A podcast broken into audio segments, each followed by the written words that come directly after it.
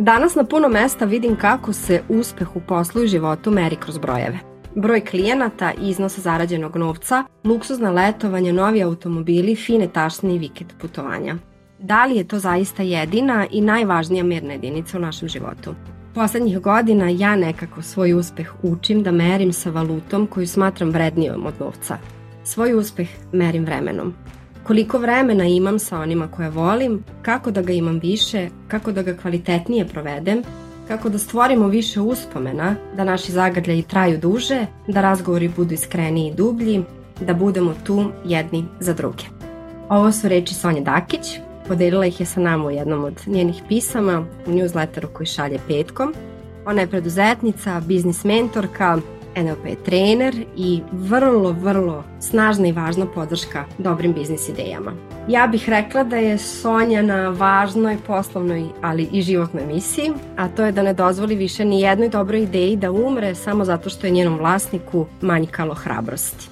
Ona često kaže za sebe da trenira hrabrost sama sa sobom, ali i sa svojim klijentima i već godinama unazad nam na svom primjeru to i pokazuje kako tačno izgleda treniranje hrabrosti u praksi a naše prijateljstvo broji jednu godinu, četiri meseca i nekoliko dana. Spojio nas je Instagram i moja hrabrost da joj jednog petka pošaljem poruku i da je pitam za mentorstvo, za jedan proizvod koji razvijam i koji se nadam da ćemo uskoro svi zajedno da igramo. A ona mi je odgovorila kao da se 100 godina znamo i to glasovnom porukom, što je za mene onako jedan odraz veće i bliže, bliskosti, ne znam kako bih to rekla.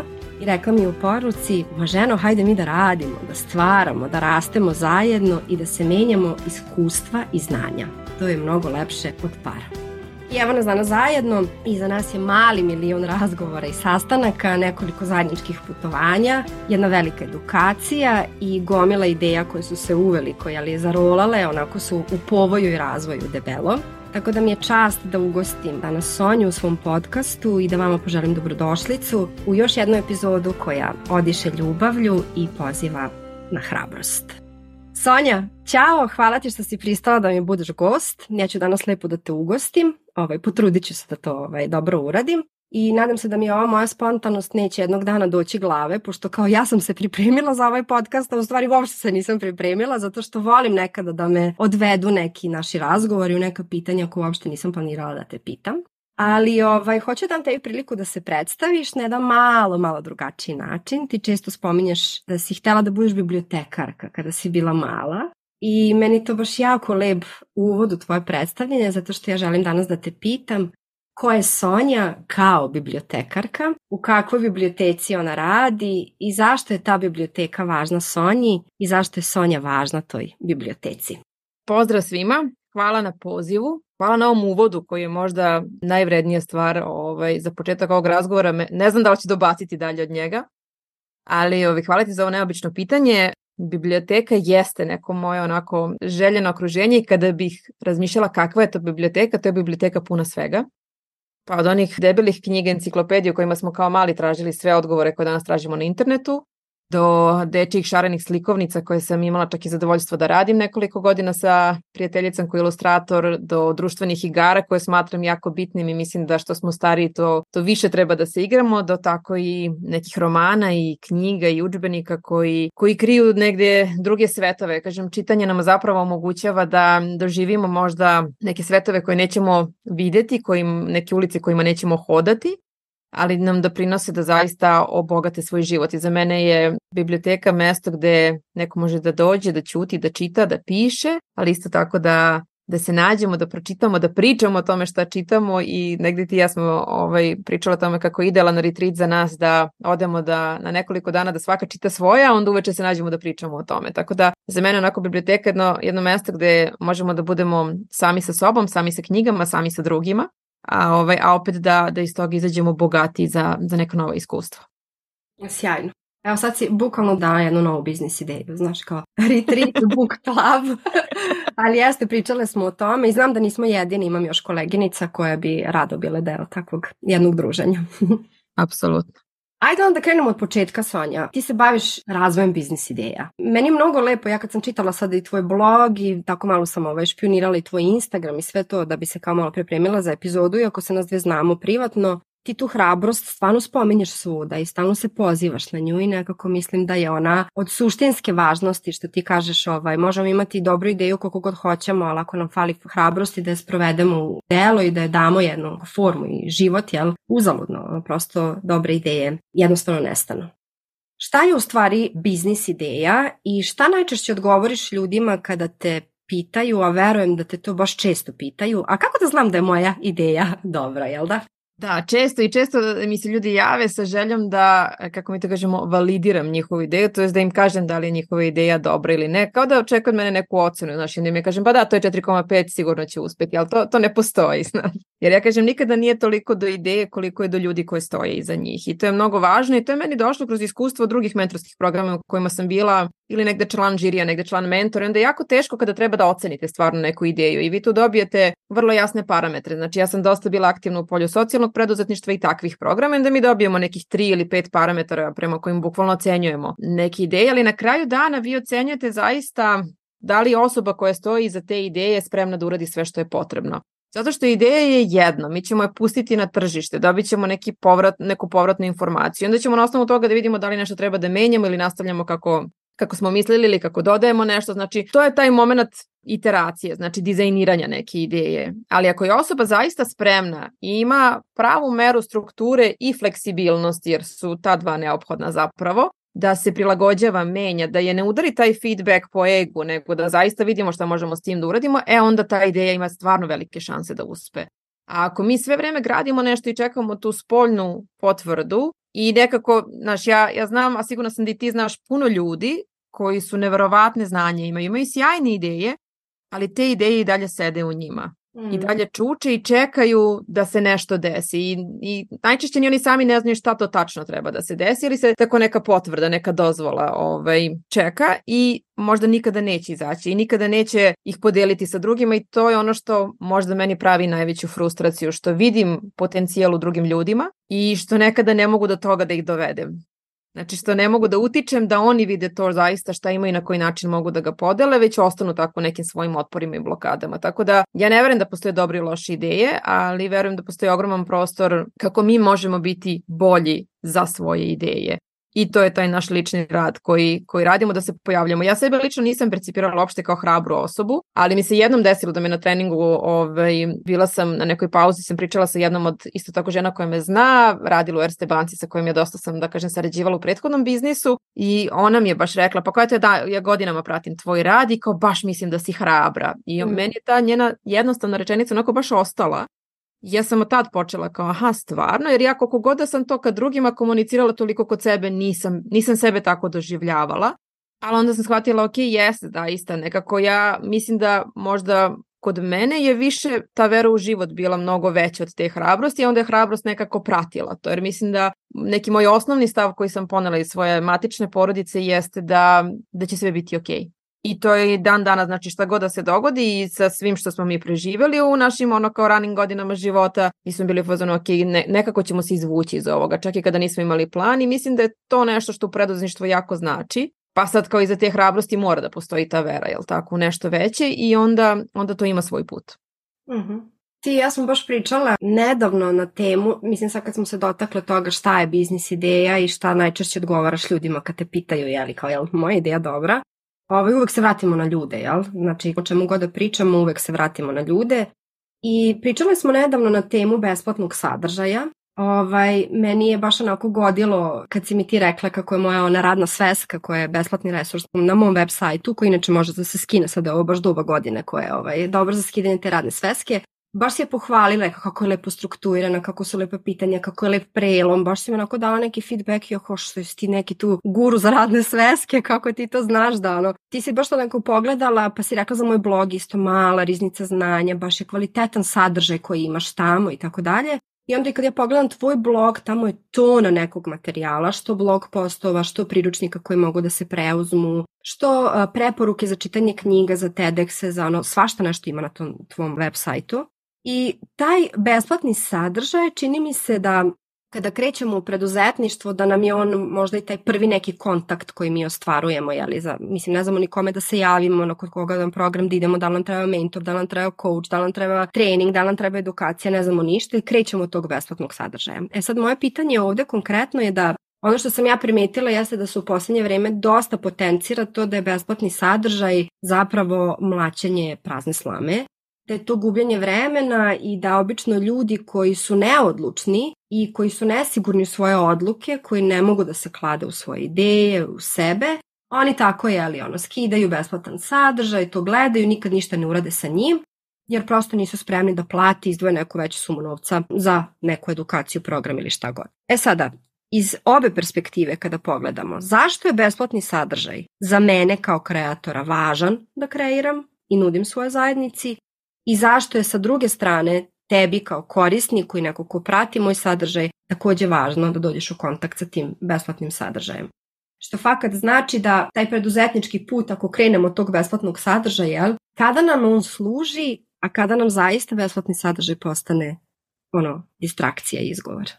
Sad sam ti dala dva pitanja u stvari. Ja sad si mi dala, da, dala si mi nekoliko pitanja, a pitanje koje se meni javlja dok ti pričaš jeste zašto niko ne priča o tome, o svim onim plaćenim edukacijama koje smo kupili, a nismo iskoristili. Znaš, ko što je takođe Uvo. tema za sebe, ali ajde, do, možda ćemo da dođemo i dotle. Besplatan sadržaj je sjajna stvar i meni isto žao što nekada ajde što ja zaboravim svoj, nego zaboravim tvoj i razne neke druge, znaš, toliko je tog resursa danas koji je dostupan. Ja znam da sam negde naišla na tu statistiku da to kao informacije koje smo mi ranije upijali otprilike na godinu dana, danas dobijamo na dnevnom nivou. I to je to što stvara preplavljenost i kao samo pohranjivanje gomile nekih e-bookova i ne znam, blog postova kojima se više ni ne vraćamo i nepročitanih mailova koje smo u fazonu kasnije ću i to pravi taj šum. Ali definitivno meni s vremena na vreme se neko javi, ja na svom YouTube-u imam preko stotinu nekih i kratkih i dugačkih video gostovanja, podcasta, svega nečeg i kaže, e, ona tvoja playlista za financije mi je kao bila strava.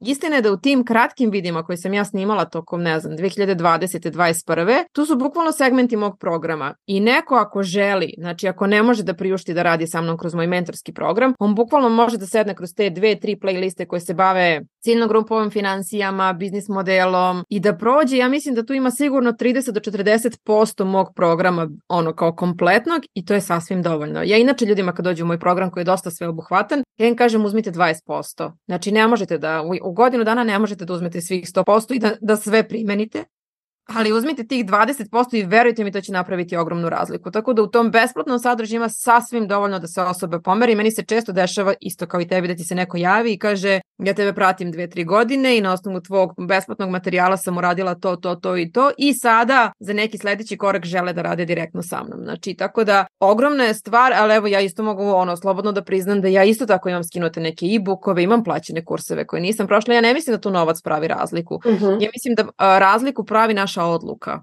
Znači, naša odluka šta ćemo mi sa tim da uradimo. To su kao oni svi webinari na koje se prijavimo, pa kao nema veze, bit će snimak koliko nas stvarno sedne i pogleda taj snimak, a zašto je drugačije kada si tu uživo, kada shvataš da je ta osoba koja ti priča dostupna, da možeš da je pitaš u četu šta ti treba. Ali to znači da sam ja u svom kalendaru bukirala to vreme, da sam odvojila, znači to je ta namera koja pravi razliku, da sam ja za to odvojila vreme i da želim nešto sa tim posle da postignem. Jer mislim da se svima ili većini dešava da mi odemo na neki trening, na neku radionicu i da dobijemo taj boost, znaš, kao nove energije, izađemo odatle, kao sad ću pokidam ovu temu, razumeš? Onda sutradan život se desi i onda te samo odvuče kao nekim svojim ritmom i ono što zapravo dugoročno pravi razliku, to je naša odluka da malo po malo ne zaboravimo šta je to sa čim smo izašli sa te radionice ili tog predavanja. Tako da besplatan sadržaj danas je ogroman potencijal, samo je problem što ga ima toliko i što je jako veliki izazov kao izabrati. Znaš, ja kažem, jedan od mojih najvećih strahova jeste da to kao neću pročitati sve knjige koje želim, neću poslušati sve podcaste koje želim. Znači ja sam došla do da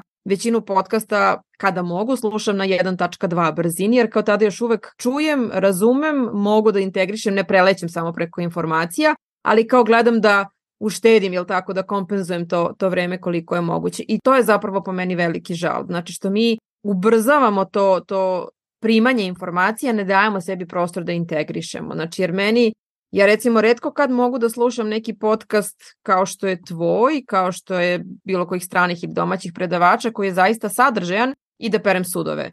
Jer sam imam fazone to treba da sednem da slušam i da imam papir i olovku i da pauziram kada dođem do nečega i da ta jedna rečenica koju ću izvući sad sutra meni bude ideja sa kojom ću nešto da uradim, možda neki post koji ću da napišem, možda neka promena koji će da to inicira ali često se zapravo nađemo u toj situaciji da slušamo podcaste dok šetamo, dok peremo sudove, prostiremo veš, jer nemamo drugo vreme. Mm -hmm. A mhm. to bi trebalo bukvalno da bude vreme koje ćeš ti za sebe da odviš i kažeš, e, petkom od 10 do 12, ja slušam Jovanin podcast, sedim sa papirom i olovkom i posle kad se završi, ja sam jednu promenu odlučila da donesem i da je implementiram u svoj život i da vidim kako će to da se primi.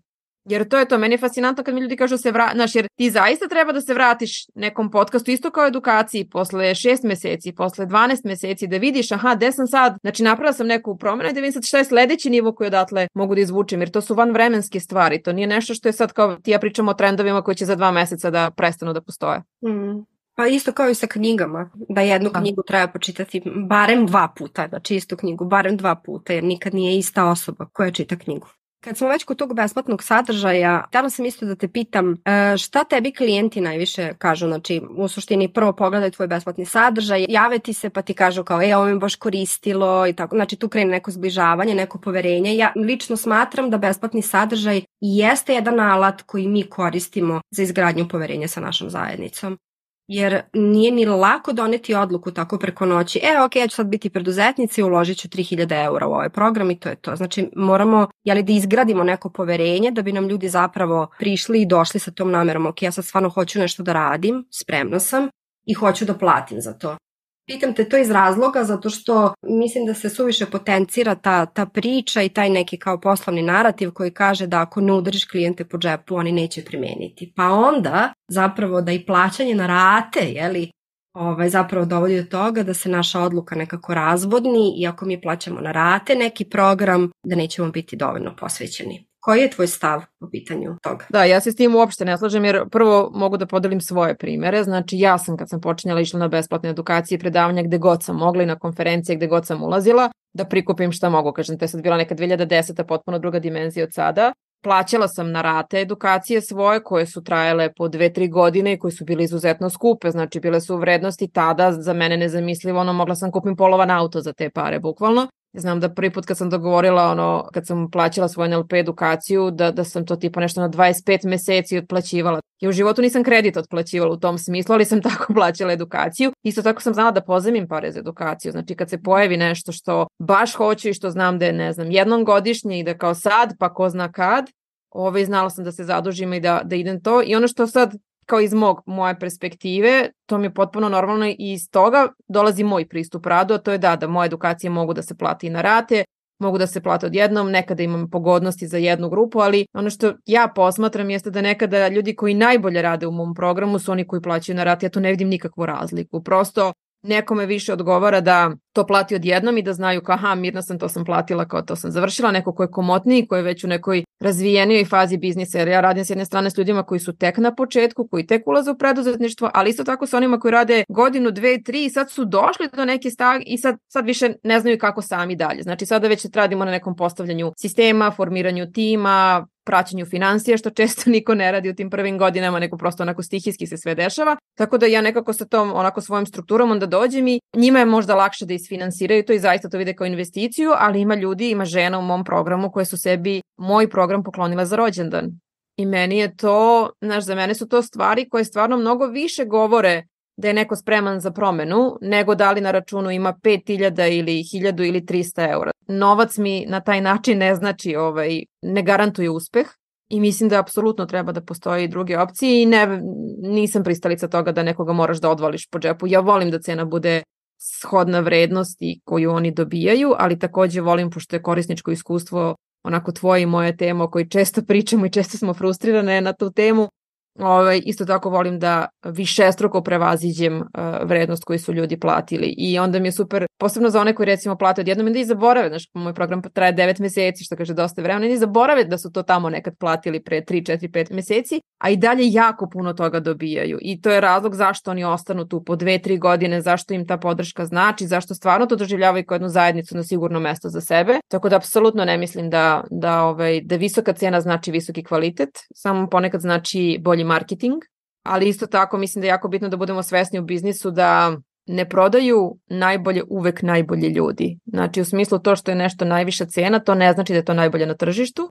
To samo znači da neko ima bolju strategiju, tim koji radi, prosto obrazac prodaje koji funkcioniše i koji nama to komunicira kao najbolju ponudu, ali to ne znači da nečiji program koji košta možda i 10 puta manje zapravo neće imati bolju strukturu, bolje korisničko iskustvo, bolje alate koje ćete dobiti od toga što vam je neko prodao i po visokoj ceni i vi mislite to sada najbolje na tržištu. Tako da ja ponekad iskreno imam onako, ne mogu da kažem da to neki transfer blam, ali imam tu neprijatnost kada vidim koliko ljudi u našem regionu naplaćuju neke edukacije u poređenju sa zaista internacionalno sertifikovanim edukacijama koji imaju ozbiljne kurikulume, ozbiljne prakse rada gde vi stvarno dobijete jedno znanje koje dalje možete da prenosite onako sa jednim ozbiljnim sertifikatom, ako ništa drugo. Ne mislim da je papir najvažniji, ali ste stvarno dobili neki ono, neku ozbiljnu edukaciju koja košta duplo manje ili čak više puta manje od toga. Tako da mislim da su se malo pomešale onako, ovaj,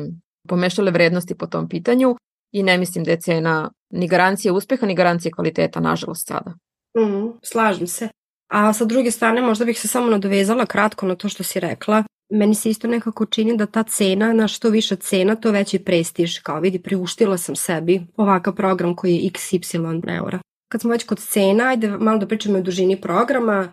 Spomenula si na početku da tvoj program traje 9 meseci. I ja znam, mislim, malo sam čitala ovaj, šta si pisala i družimo se, ovaj, znam zašto si odredila da je 9 meseci, ali kao da bi se jedna ideja rodila, ili zapravo da donesemo u život, treba vremena. I ja se sećam kad sam ja krenula sa svojim mentorskim programom, on je bio 4 meseca i bio je to lepo onako sažet program, mala odabrana ekipa, ponovila sam ga nekoliko puta, ali ja se sećam tad kad sam videla tvoj program da mi je bilo kao ju kao 9 meseci čoveče kao, znaš koliko je to, 9 meseci. Danas imam mastermind koji traje godinu dana, znači 12 meseci, što bi rekli, sad sam te prešišala, ali počela sam sa tim, ono kao četiri meseca i onda sam osluškivala da vidim šta se događa posle, da li može se nastavlja, šta tim ljudima treba. I shvatam zapravo koliko je važno da imamo neku lepu dužinu, neku konstantnu, ajde da kažemo ono, da znaš da imaš neku zajednicu koja je tu, koja neće nestati za 3-4 meseca, već nekom kome možeš da se vratiš, materijalima koje možeš da se vratiš i nekom ko ti u stvari čuva fokus. I mislim da sada, kako sam ja upgradeovala svoj program i promenila malo i ciljnu grupu, mislim da shvatam kolika je vrednost u tim programima koji te obavežu na 9 meseci, 12 meseci, 10 meseci, kako god. To stvarno dođe kao jedna ozbiljnija, onako, jedno ozbiljnije uloženo vreme, investiranje svog vremena u nešto konkretno, jer za godinu dana mi zapravo možemo da napravimo, ono, da okrenemo, što bi rekli, nebo i zemlju. Kako si došla do toga da ti program traje 9 meseci? Šta je tvoja najbolja praksa? Mislim, kako ti je praksa pokazala ovaj, zašto je taj, tih 9 meseci zapravo, zašto je to taj timeline koji je Pa da, pa čista praksa, bukvalno. Znači, evo, ja sad o, hoću da, da zamolim sve koji, koji će nas slušati da se vrate 2018. godinu. Znači, tada nisu postojali online mentorski programi, nije postojao ovakav način rada, bukvalno. I ja sam tada završavala svoj trenerski trening na, u okviru NLP instituta i uh, htela sam da napravim nešto mm, i krenula sam to kao jednodnevna radionica, pa ne znam, ovo, pa onda sam shvatila da u tu jednu, jednodnevnu radionicu ne može da stane sve ono što ja hoću da stane.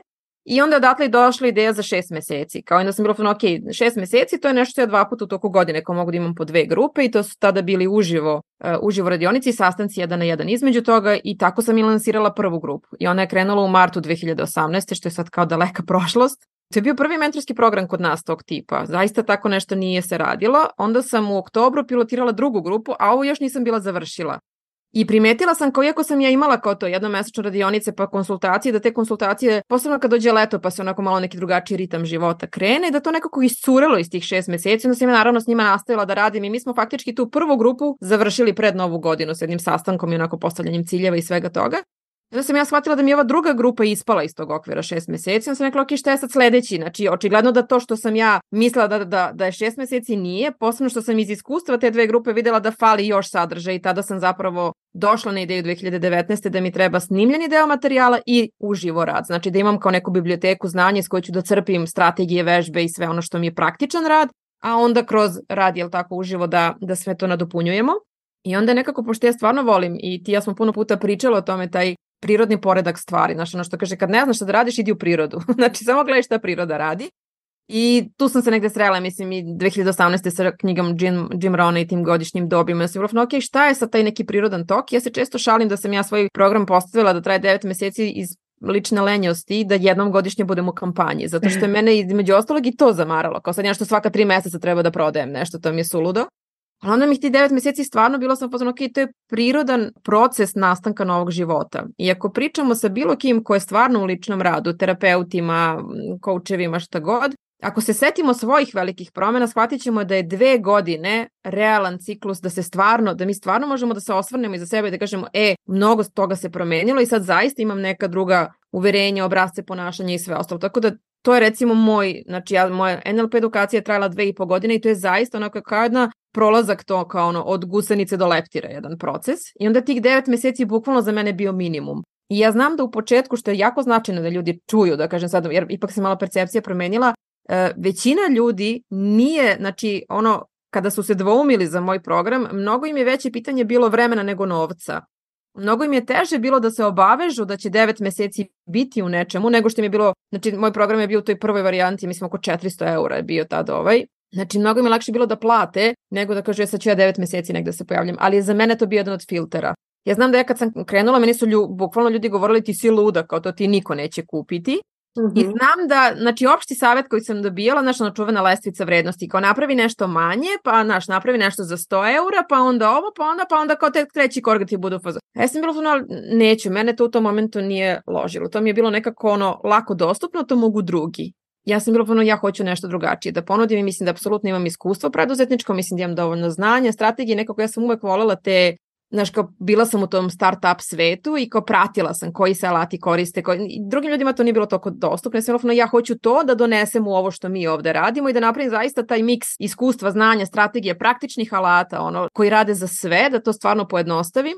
I onda treba vreme da to osoba upije i odatle dolazi ti 9 meseci. I danas on traje i tako prati taj prirodan ciklus što ja volim da kažem s marta s proleća, pratimo tu sadimo tu semenku, znači tu našu se, ideju sadimo u neko plodno tlo, u neko podržavajuće okruženje i zalivamo je entuzijazmom i motivacijom i inspiracijom. I onda gledamo kako raste, kako pravi prve rezultate i u jesen kada završavamo zapravo ciklus, beremo plodove svog rada. I vidimo sa čim smo zadovoljni, sa čim nismo i šta ćemo da menjamo i šta u sledećem ciklusu ili tako se spremamo. Ono što mi je od ove godine isto novina u programu je da ja u julu, nazvali smo ga mesec odmora, to je inače mesec kada ja idem na odmor uglavnom, ali to je mesec kada nemamo snimljene lekcije, kad imamo bukvalno jedan sastanak, oni imaju neke sastanke svoje interne kome treba za neka pitanja i slično, ali je to jedna takođe lekcija za mene bila velika da kao to šta radim takođe pokažem kroz praksu. Znači da ja mogu iz svog biznisa da istupim na 3-4 nedelje, da znam da stvari funkcionišu i da odem da napunim baterije da se onda zaista od nekog avgusta, septembra onako vratimo i tad se najviše bavimo prodajom, marketingom, svim tim realizacijama, svega toga što smo postavili na početku programa kao koncept, ponudu i sve ostalo.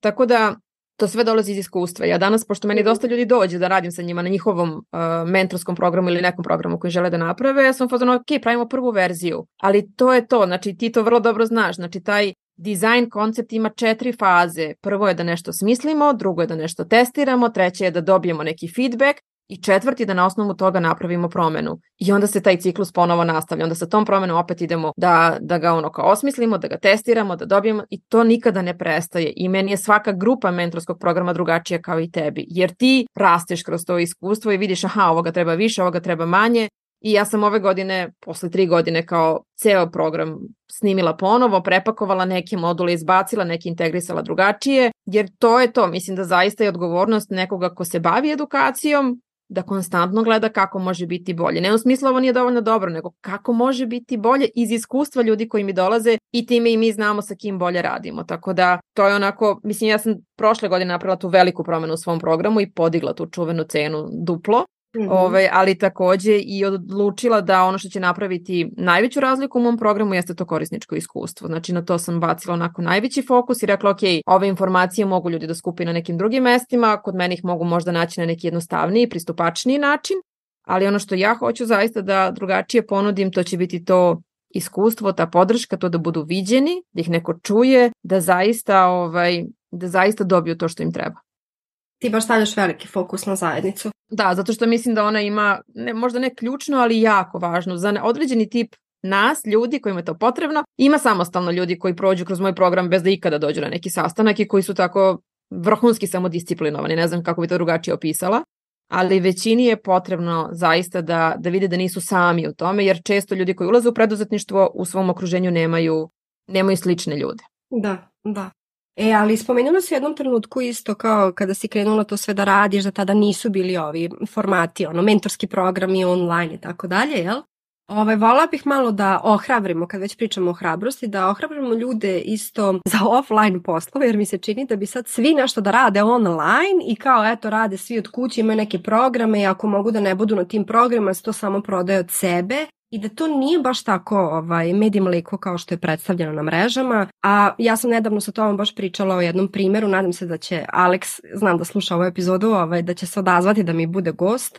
Ona mi je žena, ona otprilike ne znam koliko ogromna inspiracija koja je uz pomoć mog besplatnog sadržaja otvorila novi biznis model koji je potpuno offline, znači ništa to Instagram, LinkedIn, Facebook i to, Znači, žena je preokrenula ono, bukvalno svoj postojeći biznis, zadržala i otvorila još jedan koji je samo održiv. I ta njena priča je meni toliko inspirativna. Ja kad sam to pričala sa tobom, ti si jako, jo, zovi je kao ljudi treba da Obavezno, to. obavezno, tako je. Tako da, da, Alex, znam da slušaš, tako da ovaj, spremaj taj kalendar. Ajde malo da prozgovaramo o tome, zato što ovaj, mislim, nije taj offline svet umro i ne treba se sve da. da prebacimo na, na platforme, jel? Apsolutno i drugo što jedna druga stvar, ljudi misle kao aha, znaš kao taj pasivni prihod, taj mito pasivnom prihodu, koja se to ohvatimo njega, kao sad ću ja napravim neki e-book, onda će da se prodaje, onda će meni svakog meseca padne 200, 300, 500 evra, nemam pojma koliko šta. Znači, ja kažem uvek njima, to što ćete vi da napraviti je proizvod, nebitno da li je to e-book, da li je to krema za lice, da li je to kolač, To je po mojoj proceni iskustvu, to je jedna trećina posla. Znači uradili ste. Ali većina ljudi misli da je to najveći deo posla. Ako ja ću to, znaš, kao svet samo mene čeka. Ja ću to napravim, onda ću to da eksplodira. Ne. Tek onda kreće ona zanimacija, gde ću ja sa tim, kome treba iskomunicati, kako ću privućem pažnju. Znači ono što mi moramo da shvatimo za sve koji su 30 plus godina, kaže samo se setite malo što kaže pre 5, 6, 7, 8 godina kako je ovo sve izgledalo sa Instagramom i sa Facebookom. Znači, prosto e, procvat društvenih mreža je doneo procvat preduzetništva, što znači da nas je danas mnogo više nego što nas je bilo pre 8 godina na istom tom polju. Znači, samo zamislite jedan futbalski teren gde u početku bilo nas 10 i kao mogli smo lako da se dobacujemo sa tom loptom, a danas nas ima 350 na istom prostoru i kao imamo 20 lopti i kao više niko ne zna ko kome dobacuje, ko šta, kako i kako ćemo proćemo. E, to je to. Znači, i ono što ja vidim često u radu sa ljudima, to kao oni, oni se potroše maksimalno da izbace taj neki proizvod ili uslugu, a onda zapravo nisu spremni da urade oni drugi veliki deo koji treba. A apsolutno treba da postoje fizički proizvodi, fizički prostori i biznisi koji nisu samo online. Mi, posle sve ove dve godine kao post korona i svega ostalog, mi kao ljudska bića imamo potrebu da se vidimo uživo, da odemo negde da kupimo nešto, da nešto pipnemo. Znači to je normalna stvar i takvi biznisi, znači sad zavisno pričamo o različitim biznis modelima, ali nekada zapravo mnogo brže, mnogo lakše kao što je tvoj primer, znači kao što je njen primer u stvari gde je žena za mesec, dva došla do neke samodrživosti, automatizacije biznisa i za nju je to sada neki pasivni prihod. Zato je meni super da se takve priče ispričaju. Znači da ljudi shvate da kao pasivni prihod nije prodajem e-book i ništa drugo, Ne, nego postavila sam nekakav biznis koji sutra može da bude pekara, šta god znači, koji je da imaš zaposlene, da imaš plate, da plaćaš porez i matematika iza toga je dobro napravljena i ti ja smo komentarisali baš kad si ti sa mnom podijela taj primer, koliko je za nju značajno i vredno što žena dolazi iz financija i što je sigurno od starta postavila stvari kako treba. Većinu biznisa sa kojima ti ja radimo, to je jedno od problema, što se ne postavi cena kako treba i onda posle ti nešto pokušavaš da napneš i da pokriješ neke troškove, onda je problem kako će se registruje, kako će plati porez, znaš, zato što to nije bilo uračeno to od starta, niko nije razmišljao o tome. Tako da po meni apsolutno treba da postoje svi ti sjajni biznisi, oni imaju možda i mnogo veći potencijal da, da dugoročno rade, nego ovo što je neko pitanje trenda da ćemo u jednom momentu da se prezasitimo svojih svih tih online programa i da shvatimo da to više ne radi i da nam zaista treba na drugačije metodologije. Ja sam zbog toga kada je prošla korona i kad smo izašli, da kažem, iz cele te izolacije, prva stvar koju sam ja uradila sam rekla, ok, hoću sad ću da držim jednomesečno ono, Points of View radionice uživo u Beogradu, jer meni fale ljudi. Ja imam 50 ljudi u mom programu u zajednici i sa nekim od njih se vidim uživo koji su tu, sa nekima se nikada ne sretnem uživo, nažalost. ali kao meni su falili ljudi da vidim kako kada prolazimo kroz proces, kako se drugačije, kako, koliko se brže povezujemo i meni dan danas fascinantno koliko na toj jednoj radionici od 2-3 sata mi zapravo toliko toga razmenimo kako god, ja sam zahvalna danas na ovom Zoomu gde ti sediš u Lincu, ja sedim u Beogradu i mi se vidimo i pričamo i spojio nas je, da kažem, između ostalog kao strava, ali je potpuno drugačije kada, kada se sretnemo uživo, kad sedimo, pričamo, ćutimo šta god. To je ipak, mislim, mi kao ljudska bića, to je naša dubinska potreba. Tako da nebitno da li neko radi kao terapeut, kao pekar, kao finansijski savjetnik, Mislim da je to dimenzija koju ne treba da ispustimo i koja apsolutno, znači, ne treba svi da imaju online proizvod, ne treba svi da imaju online program. Prosto toga već sad ima previše i ogroman je posao, da kažem, i to danas prodati i pozicionirati. Nije dovoljno samo ga napraviti i okačiti. Jest, jest. Pa mislim da i moj program, ono, evolucija mog programa, ono, kako se to sad sve kretalo i kako se razvijalo, I ovaj mastermind koji sada imamo, on je potpuno jedan hibridni model. 80% da, on funkcioniše online, ali mi imamo 20% zajedničkih poslovnih putovanja. I to je bio ono što kažu requirement za, za znači putovat ćemo zajedno, imamo tri zajednička putovanja, na jednom ćemo pokriti planiranje, na jednom ćemo pokriti lični rast i razvoj, na trećem ćemo raditi retrospektivu, različite tri ovaj, zemlje, tri grada i baš je to bilo nešto što je ljudima bilo kao, može, da, super, jer mi smo, pogotovo ja, ja sad kad gledam da živim ovde i radim ovde, ali obraćam se i našem nekom tržištu, znači kad pogledamo Balkan, meni to onda ne, ne zamišljam svoj život, ce, ceo život da sedim u, ovaj, u Isakovoj sobi u svojoj fiktivnoj kancelariji kao da radim tako. Znači stvarno ti ljudi su potrebni, to što će naš, napraviti ra, najveću razliku, da ću sesti u auto, otići u Ljubljanu, provesti tri dana sa nekim, odraditi neko biznis mapiranje, neku analizu, nešto, družiti se, biti tu, zagrliti jedno drugo, idemo kući opet da radimo online. I to je neka promena koju sam sada uvela i vidim da mi baš bio onako pun pogodak u smislu inoviranja programa. Tu moram da spomenem naš prvi susret uživo koji se desio posle možda godinu dana ili kraće, ne znam kad smo se videle prvi put. Ma manje, manje. Manje, u Beču. A da, bio za moj rođendan, posle šest meseci. Za, za ovaj, moj rođendan ja sam rekla tako par ljudi koji imam, idem na vikend u Beč i sad ja sam od 2014. 15. dosta često putovala za Beč, tamo sam išla na isto jednu veliku edukaciju, pa su ljudi navikli kao tako da ja idem, znaš, kao za Beč, koji iako dugo nisam bila. I onda smo se ti i ja videla, ja sam se vratila i sam bila kako je bilo u Beču. A ja sam bila u ja, znači mi bukvalno jedva da smo izašli iz kao stana. Otišli smo do te biblioteke jer nam je to kao bilo kao strava, kao jedan jedini izlet i kao obe znamo Beč, kao fazonu nema što da ga obilazimo kao ponovo, mada je on prelep i ima uvek nešto da se vidi. A smo ja i ti zapravo koliko, 48 ili 72 sata provele kao pričajući, pokazujući jedna drugoj kartice i alate koje yes. smo donele i kao ono odlažući spavanje, kao klinci, znaš, kad je nova godina, pa kao, e, čekaš pola sata, čekaš, ovo ti kažem, pa onda u pola dva, kao, aj spavamo da bi ustalo u neko normalno vreme. Tako da je meni to bilo u stvari isto dokaz koliko nam stvarno taj prostor fali. Mislim da to upravo što si ti rekla, insistiranje na tome je ono što će stvarno napraviti razliku, jer onda je mnogo lakše kad se mi vidimo razmenimo to što imamo, pokažemo jedno drugoj, da se vratimo svaka u svoju sobu, sedi, radi i da onda imamo eto neke pozive sa kojima ćemo se održavati. I da, mislim da je to model koji je super da postoji, zato je negdje cijela ta ideja sa retreatovima, treninzima koji su izvani. Ja gledam moje edukacije koje su meni bile najznačajnije, su uvek bile te koje su bile izmeštene. Znači gde ja nisam bila u situaciji da se posle edukacije uveče vraćam kući, pa kao sačeka me porodica, deca, sve, pa ujutru opet idem, nego su to upravo to. Moj trenerski trening je bio na Fruškoj gori, ti ja smo bila zajedno na edukaciji u Poljskoj 5 dana, to je 7 dana za tebi i za mene sa, ono, sa putem i svim. I mislim da su to stvarno ta transformativna iskustva kad se ti potpuno iščupaš iz svog okruženja i ne vraćaš se danima u to, da onda stvarno možeš da uroniš u neku temu, u neko iskustvo i da pustiš sve što treba i da ode i da nešto novo dođe i da su to zapravo te ta iskustva ka kojima mi idemo ako smo stvarno spremni za to. Mm, mm, slažem se. Ti si baš dugo edukacije u stvari, kad malo bolje razmisliš od tvog uh, onog inovativnog biznisa koji si donela u Srbiju, koji te naučio mnogo, mnogo toga. Mislim da si danas dobar mentor zbog svog tog iskustva kroz koje si prošla uh, sa Daj Daj.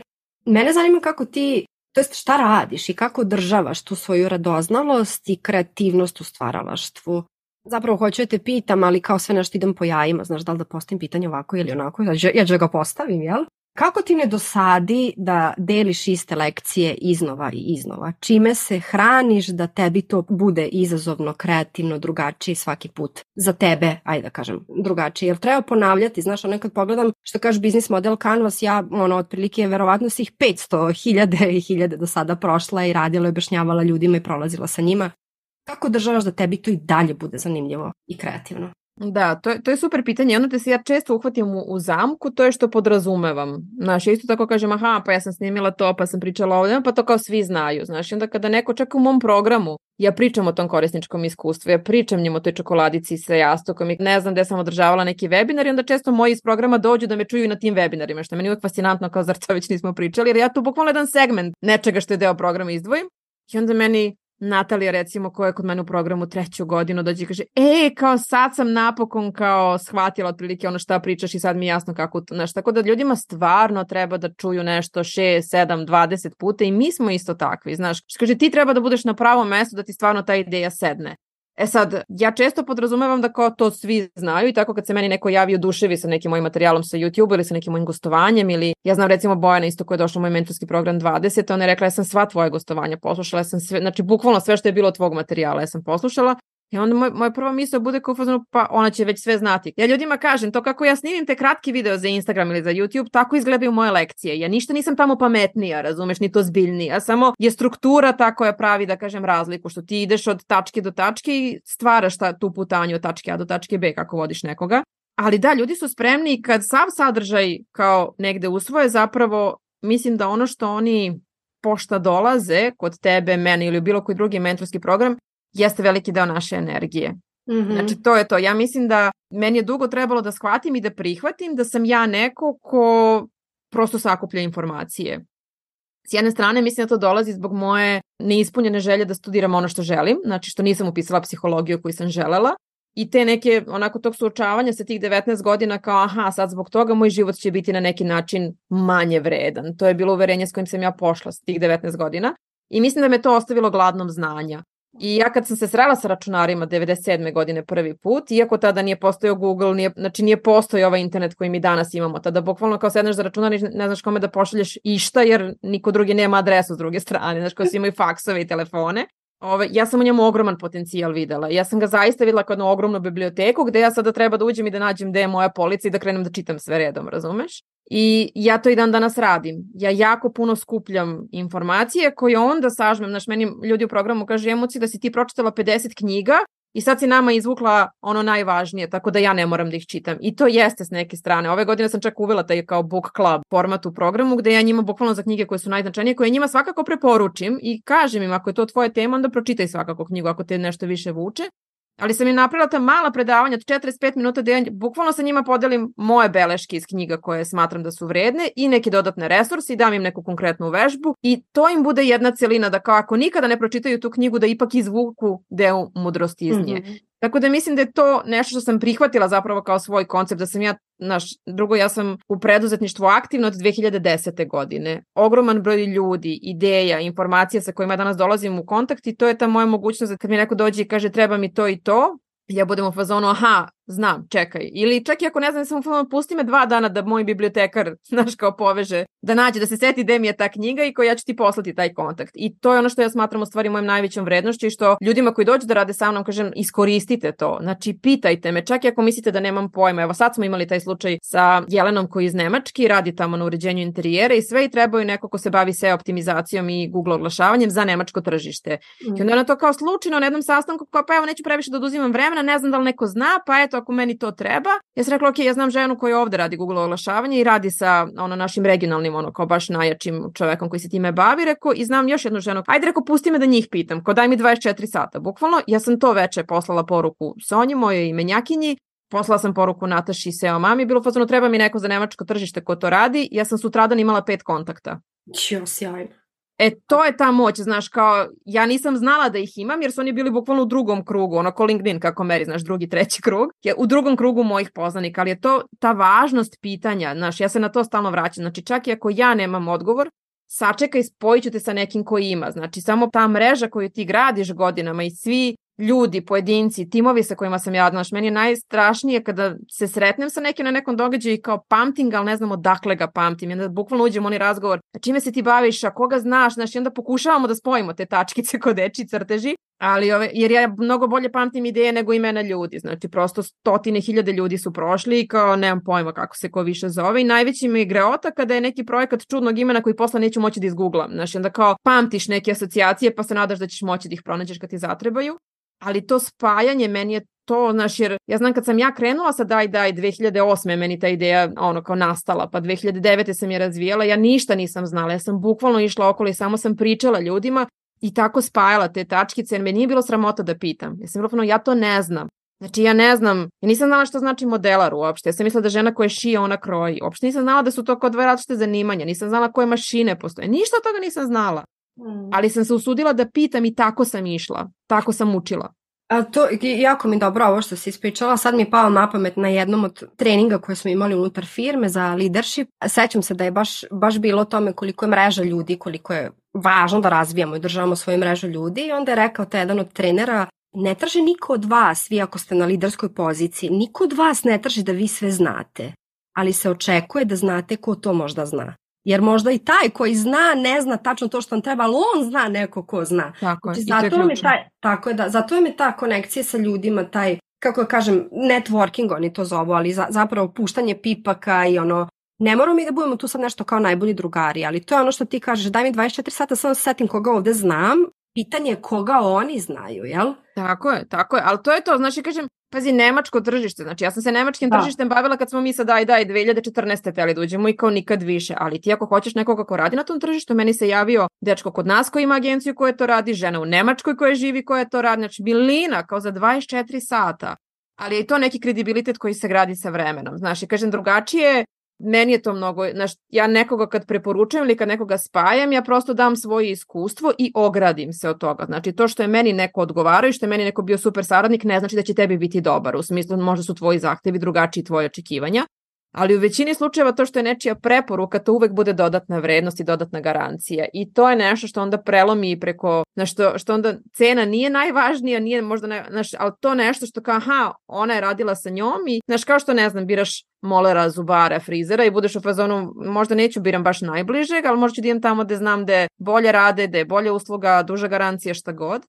Tako da to su vrednosti koje mi gradimo sa godinama i zašto, zašto da kažem, ja danas kad odem na neku konferenciju ili neki događaj u, u Beogradu, u Novom Sadu ili bilo gde, ja trećinu publike znam. I sve ih znaš onako ćao, kako si, desi, šta si, iako se vidiš bukvalno s konferencije na konferenciju, kao s nekima se ne vidim po dve godine, ali nastaviš tamo i postoji, naš, nekako ljudi znaju sa čim da te povežu i kao sa kim da te asociraju kada neko pita ti kažeš evo pogledaj šta on radi. Ne garantujem ti da će ti odgovarati, ali pogledaj, njega znam. Tu je dovoljno dugo, razumeš? Da, da. Sjajno. Pa dobro, zato sam ja rekla, mi kad smo se upoznali, ja sam ovaj, baš rekla mom mužu, ovaj, Sonja, čovječ, ona ti je hodajuća enciklopedija. Sve znaš, tako da pitaš, sad ću, sad ću ja da ti pošaljem link. Sad imaš tu knjigu, sad ću ja da ti pustim knjigu, sad ću ja ti dam čovjeka. Bukvalno, ono, nema šanse da, da ovaj, možda ne znaš direktno odgovor na pitanje koje imam, ali znaš uvek nekog ko, ko može tome da doprinese. Jel postoji neko pitanje na koje bi ti, na primjer, volala da odgovoriš, a do sad te niko to nije pitao? Ja, nemam pojma, svašta su me pitali. Meni najveći izazov tako kad me zovu podcast na neka gostovanja kao da ne pričam stalno istu priču, znaš. I onda je u stvari umeće onoga ko vodi taj razgovor da izvuče nešto drugačije. Uglavnom pričamo eto, o biznisu, strategijama, svemu tome nešto. Mislim da ono što je isto važno da negde možda se vratim na ovaj uvodni deo koji si ti podelila, a to je kako merimo svoje uspehe. Znaš, i koliko, koliko možemo da izađemo iz tog obrasa upoređivanja sa drugima jer definitivno mi živimo u nekom vremenu koja je okrenuto materijalno, mi gledamo ko kakva kola vozi, ko se kako oblači, znaš, ali na kraju mislim da je mnogo bitnije kako se mi osjećamo u tim kolima i u toj garderobi nego koliko ona stvarno koštaju.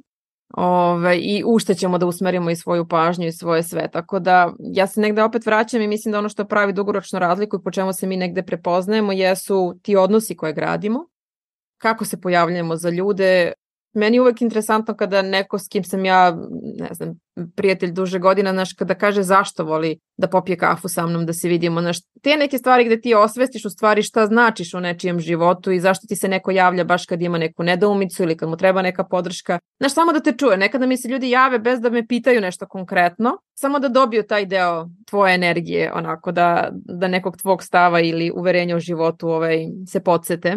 Tako da ne znam da li je to pitanje, ali mislim da je više, više onako, više pitanje koje svako od nas možda sebi treba da ostavi jeste kako ja hoću da me ljudi dožive, kako hoću da me pamte, kako hoću da drugima pričaju o meni. Eto, to je ono na šta možda ne obraćamo dovoljno pažnju, već se bavimo nekim brojkama i, i, i pratiocima i ne znam ni ja čemu. Ovo, ja sam baš sinoć ovaj, sela i iz svog mail programa imam neku onu opciju da kao izbrišem neaktivne. Onda sam sela pošto kao ima nekih 500 ljudi koji su neaktivni, koji ja na 150 pročitanih mailova su tri otvorili. Skinula sve sa liste bez obaveštenja, bez ičega. Bilo sam fazonu, nema potrebe da, znaš, nema potrebe da ja budem, ne želim da budem nekome nepročitan mail koji će mu dodavati, znaš, na onim brojevima koji već prave pritisak. Ove, ako budu hteli prijavit će se ponovo, ako nađu neku vrednost dođe će ponovo. Znači, i to sam stvarno mi smo skloni da se opteretimo time kao ja, troje mi se odjavilo sa newslettera, znaš, a s druge strane ne vidiš da je 600, 800, 50 ljudi otvorilo i pročitalo taj mail. Znaš, mi se fokusiramo na on troje koji su otišli. Pa brate, ili možda su prosto imali nešto drugo na pameti, možda im više trenutno to nije fokus, razumeš? Super što su otišli, oslobodili su mesto za nekog drugog to je, znaš, to su neke stvari kao gde ja sebi isto svakodnevno vraćam, znaš, kod je moj fokus. Ja sam neko ko se jako lako zaradi, zato što radim nešto što mene interesuje, što volim, što sam stalno sam u tom fazonu, znaš, ko neću stići sve, neću pročitati ovo, neću pogledati ovo, znaš, stalno, a život nam prođe u tome. Znaš, prođeše godine u tome, gledam, meni su sad deca već, već velike, imaju 15 i 12 godina i ko za koju godinu će stvarno da odu, znaš, će stvarno da se isele od negde, ili ćemo mi da odemo, nemam pojma. Koliko svesno svaki dan negde, ono kao, ih ispratiš u školu, dočekaš, popričaš sa njima. Mislim da je to, mislim da je to Brene Brown u jednom baš podcastu, onako ja nju dosta volim da slušam i sad sam baš sveže pročitala njenu knjigu pa mi je valjda na pameti. Ove, ono u podcastu sa Tim Ferrisom je rekla, kaže, dok stvari funkcionišu u našem životu, mi smo okrenuti velikim ciljevima, finansijskom uspehu, ne znam, to je neka materializacija. Međutim, kaže onda kad se nešto dogodi, kada se dogodi bolest, smrt, veliki gubitak, šok, stres, bilo šta, ono zašto mi zapravo, za čim zapravo čeznemo, su obični svakodnevni trenuci. Da da smo, dok smo vozili dete u vrtić, kako smo pevali pesmicu, kako smo uveče gledali film, znaš, e to je ono čega mi treba da imamo više. Znam kad je korona krenula i kad je sad sve to nama koji pamtimo 90. zaličilo na poznati scenario, ja sam bukvalno bila ok, šta se ne mogu da uradim da deca, da amortizujem taj efekat na decu, te izolacije, toga da smo zatvoreni u kući od pet popodne po lepom vremenu, sam rekla, ok, svako drugo večer gledamo filmove imaćemo ono movie night, napričimo kokice, mi smo uzeli, pogledali smo ceo serijal, ne znam, Hobita, superheroja, znači sve to što je bilo prihvatljivo da zajedno možemo da izdržimo da gledamo. Mi smo iz večeri u večeri to, i meni su to najlepše uspomene zapravo koje imam iz tog perioda sa njima. Ali je to nešto što svesno kreiramo. Znaš, da odvojiš, aha, petkom ćemo da igramo društvene igre i to je jedino što njega će se oni sutra sećati. Neće se sećati da su se vozili u kolima koje koštaju 20.000 evra. Pojma nemaju o tome, razumeš, da se prozor spuštao brže nego na onim od 5.000 evra. Ne. Da, slažem se ovaj, malo me dirnulo sad ovo sad što si rekla na kraju, kada se desi nešto zapravo što te životno pomeri izmesti svoga ležišta, onda čezneš zapravo za onim malim, sitnim, običnim, svakodnevnim trenucima, koje u većini slučajeva kod nas su sada možda na autopilotu, ono, potpuno ih nismo svesni. I onda ako se vratimo na to kao da li postoji neko pitanje koje bi volela, jeli, ovaj, na koje bi volela da odgovoriš, a niti niko postavio, možda stvarno ovaj, da zaista odvojimo vreme da odgovorimo sebi na pitanja šta je za mene uspeh i čime ga ja merim, čime želim da ga merim.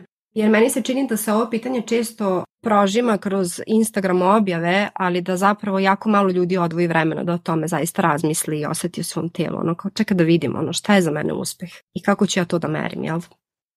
Merimo da. brojem pratilaca, um, zarađenih novaca i prodatih programa zato što nam je ta, taj parametar najlakše. On je kvantitativan, može da se izbroji i vrlo je lak, mislim, prosto je poznat našem mozgu, ali kad treba da merimo nešto u osjećajima, teško je to staviti na vagu i reći ono imam 32 kg ljubavi za, za ovo ili za Dobro. Ali možda je to, znaš, imam, imam 10 minuta danas da sedim sa nekim i da ćutim u zagrljaju. Znaš, nekada je stvarno uspeh ustati nekada je to jako važno. Znači da kažeš, e, danas sam ustala, namestila sam svoj krevet i sad ću da izađem da šetam. Znaš, kao to je ono što biram, ostavit ću mobilni telefon. Ja sam u petak baš išla posle jako dugo vremena se vozim oko Ade sa rolerima i sticam okolnosti zaboravila sam telefon mobilni kod kuće. S tim što on meni stvarno ne treba u vožnji, jedino ga koristim da kao izmerim za koje sam vreme prošla. Znači ne, ne slušam muziku, ne, ne koristim ga apsolutno.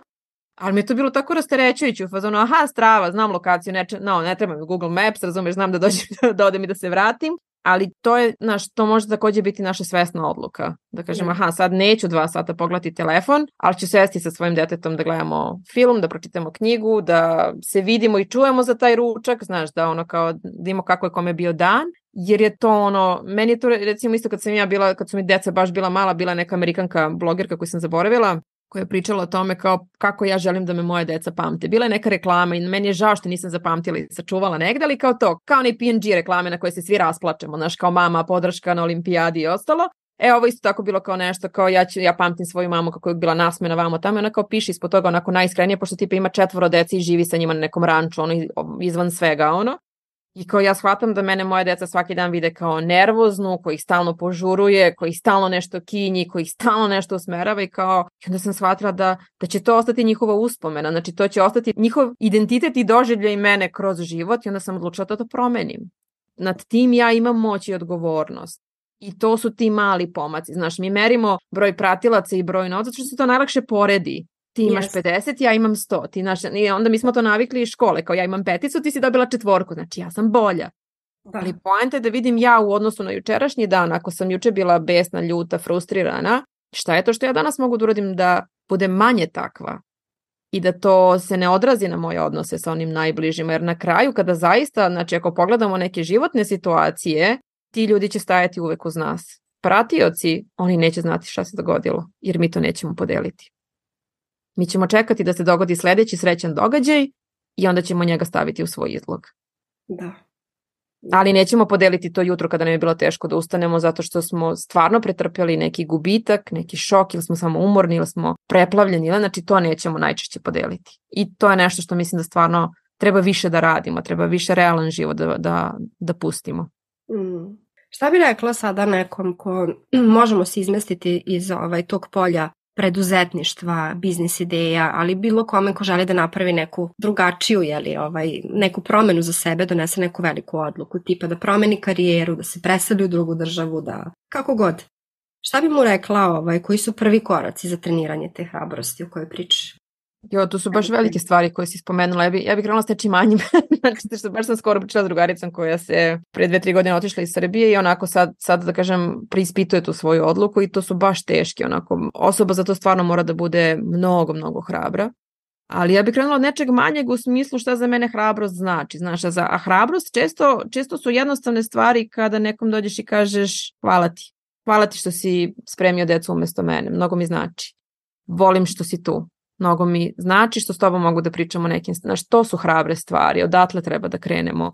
Preseliti se negde, to, to je jedna, onako, jedan haos i lom života koji, koji ne da treba zahteva hrabrost, nego zahteva mnogo više toga, ali mislim da mali, znaš, te male promene svakodnevne, koje se zasnimaju na tome hvala ti, volim te i znači mi što si tu, su super za početak jer one nas vraćaju, znaš, meni je ta prisutnost o kojoj mi pričamo, koja je zapravo po meni najvrednija negde valuta danas, ona kreće od toga da, da budemo zahvalni na onome što je već tu. Da iz tog mesta onda ja vidim šta hoću da bude bolje, veće, šta god. Ali daj da vidimo šta prvo, znaš, šta imam, što je već sjajno, a šta imam možda što mi ne odgovara, pa da to krenem da menjam. Tako da možda da krenemo samo sa tim. Naš, ja uvek pričam i sad sam snimila par videa kratkih vezano za, za vožnju i za život, pošto meni je to mm. tako super metafora. Ali to su stvarno te, znaš, ono, aj propusti nekog u saobraćaju. Ajde danas, znaš, kad sedneš u auto, ti odluči da ćeš da budeš dobar vozač. I da ćeš da gledaš drugi, da ćeš da vidiš pešaki, i da ćeš da vidiš i ovoga što tebe ne vidi, da ćeš da ga pustiš i čak i ako žmigavac nije dao. Znači, nemoj to da mu nabiješ nas. Možda, možda prosto, razumeš, možda on jedva je seo u taj auto jutro, nemaš pojma o čemu razmišlja. Ali kao ajde ti odluči da će da budeš dobar vozač i da će se pobrineš da ti i svi ostali sa kojima dolaziš u kontakt tog dana dobro dođete kući. Znači, mhm. drugarica između ostalog mi je rekla u norveškoj autoškoli, jedna od ključnih stvari koji ih uče, to je da ne zaustavljaš saobraćaj. Znači, da voziš tako da proceniš šta je potrebno kad ulaziš u raskrsnicu, u kružni tok, u bilo šta, šta je potrebno da ti uradiš da ne napraviš zastoj mm. i da saobraćaj teče. To za početak veruj mi, u mnogome bi poboljšalo sve naše živote. Tako da, ajde da krenemo da odlučimo da budemo malo bolje za sebe i druge, pa da vidimo da će nas to odvesti. E, ali ovaj primjer je tako sjajan zato što, što bi rekli, uzelo si mi reči iz usta.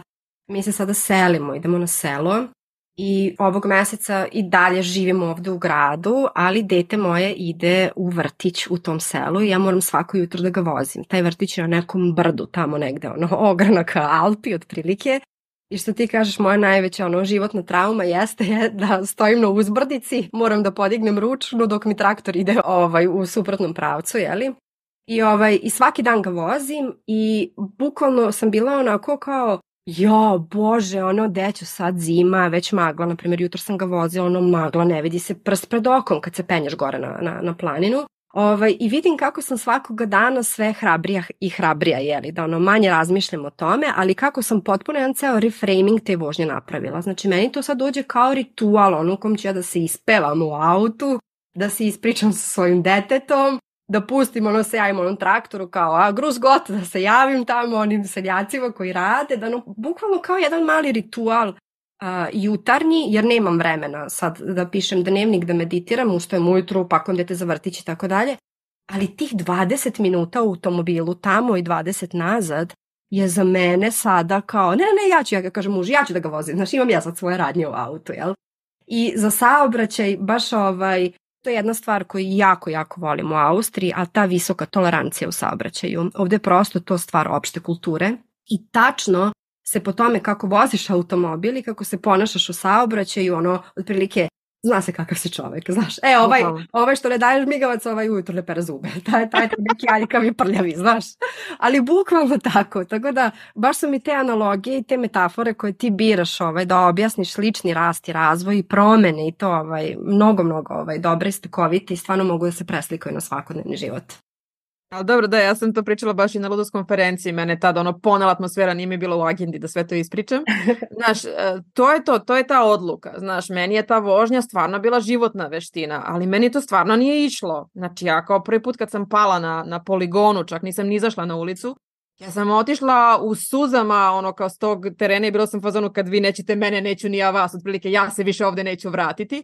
I onda mi instruktor zvao posle, ne znam, pustio me jedno 3-4 nedelje se ja izduvam da zaboravim, da sa, sažvaćem svoj ponos i ego. I bio ono, Sonja, ali ti si dobar vozač. Znači ti si pala na poligonu jer si prešla preko linije koju nisi videla. Znači kao dešava se isto. Što ćeš prvi put kad uđeš u javnu garažu, ogrebaćeš auto. Garantujem ti da ćeš ga ogrebati. Na stubić, na žardinjericu, na nešto što se ne vidi, razumeš? Tamani da imaš kao senzore pozadi to će se desiti, kao to je deo puta. Ako ali ti si dobar vozač, molim te dođi da polažeš kao pre nego što ti isteknu testovi pa kao moraš sve iz početka ja sam se vratila i iz drugog položila i to sam se raspravljala sa Pandurom kako ja moram na stopu da izađem više jer sam manja pa ne vidim. I ne bio sam, ja ne mogu da verujem da ti raspravljaš sa Pandurom kao na polaganju, a sam ja bilo pa ne, ne, ne, ja sam došla da ovo položim, razumiješ, da ću da vam objasnim kao, kako to funkcioniše, ali meni pet godina trebalo da provozam. E to i sa biznisom, znaš, neće ti proći prvi proizvod, neće ti prva objava napraviti 10.000 pratila, znaš, neće napravit će to što ćeš ti svaki dan da sedneš i se pojiš i kažeš ja ću danas da uradim ono što treba da taj traktor kad najđe budem fazonu desi komšija svako dobro ti želim ajde da probamo se mi mojiđemo najbolje moguće razumeš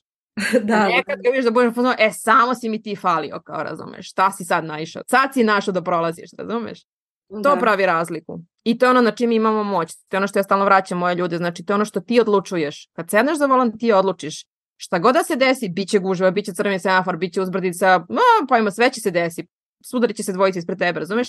Ali ja ću da odlučim šta ću da uradim sa tim. Znači, da. lagano, mirno. Kako ću ja da ono, da iskontroliram? To je lični rad, to je lični razvoj. Ta odluka koju doneseš. Mm. Ništa više, ništa manje.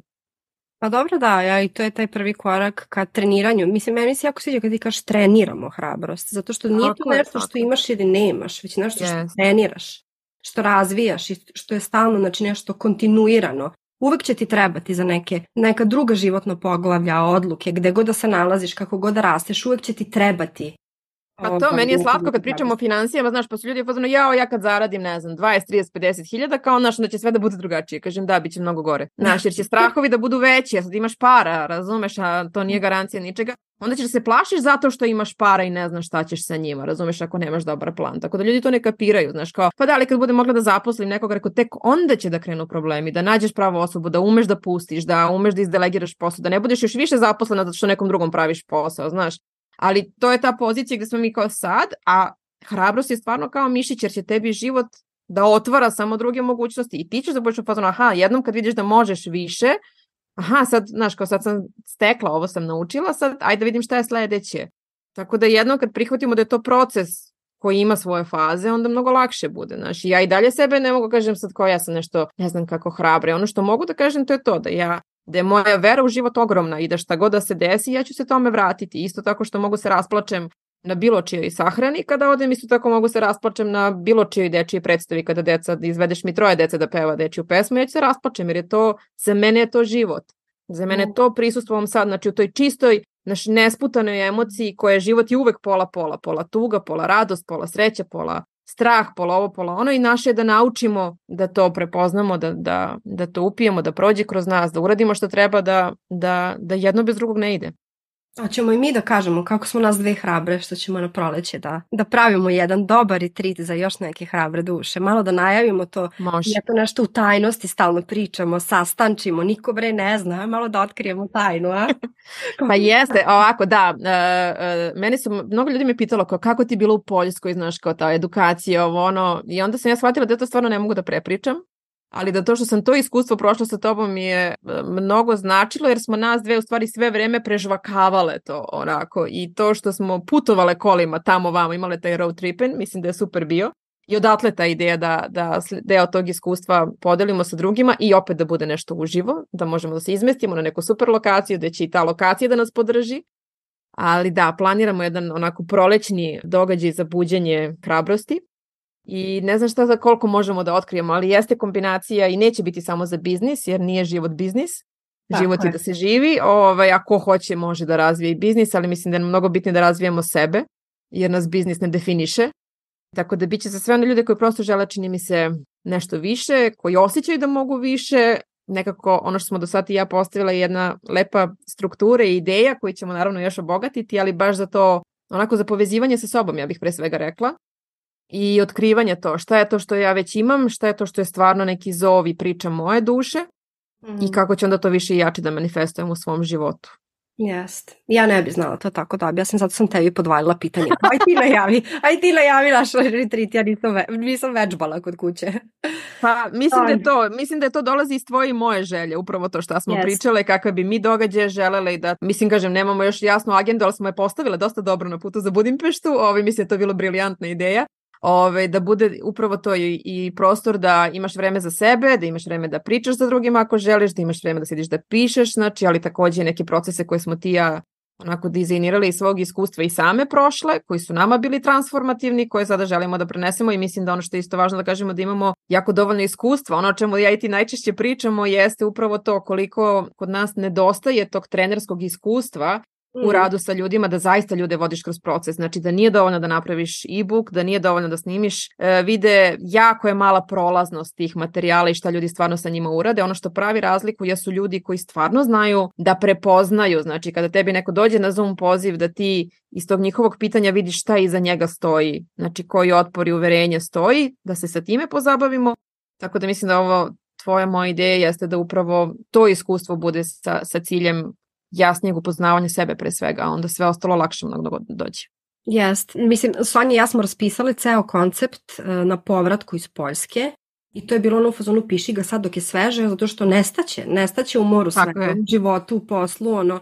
I ja znam sad kada otvorim taj dokument, ja kad pročitam to, ono u fazonu kao, ju, kao li ovo dobro, prosto ne mogu da verujem da smo to nas dve napisale.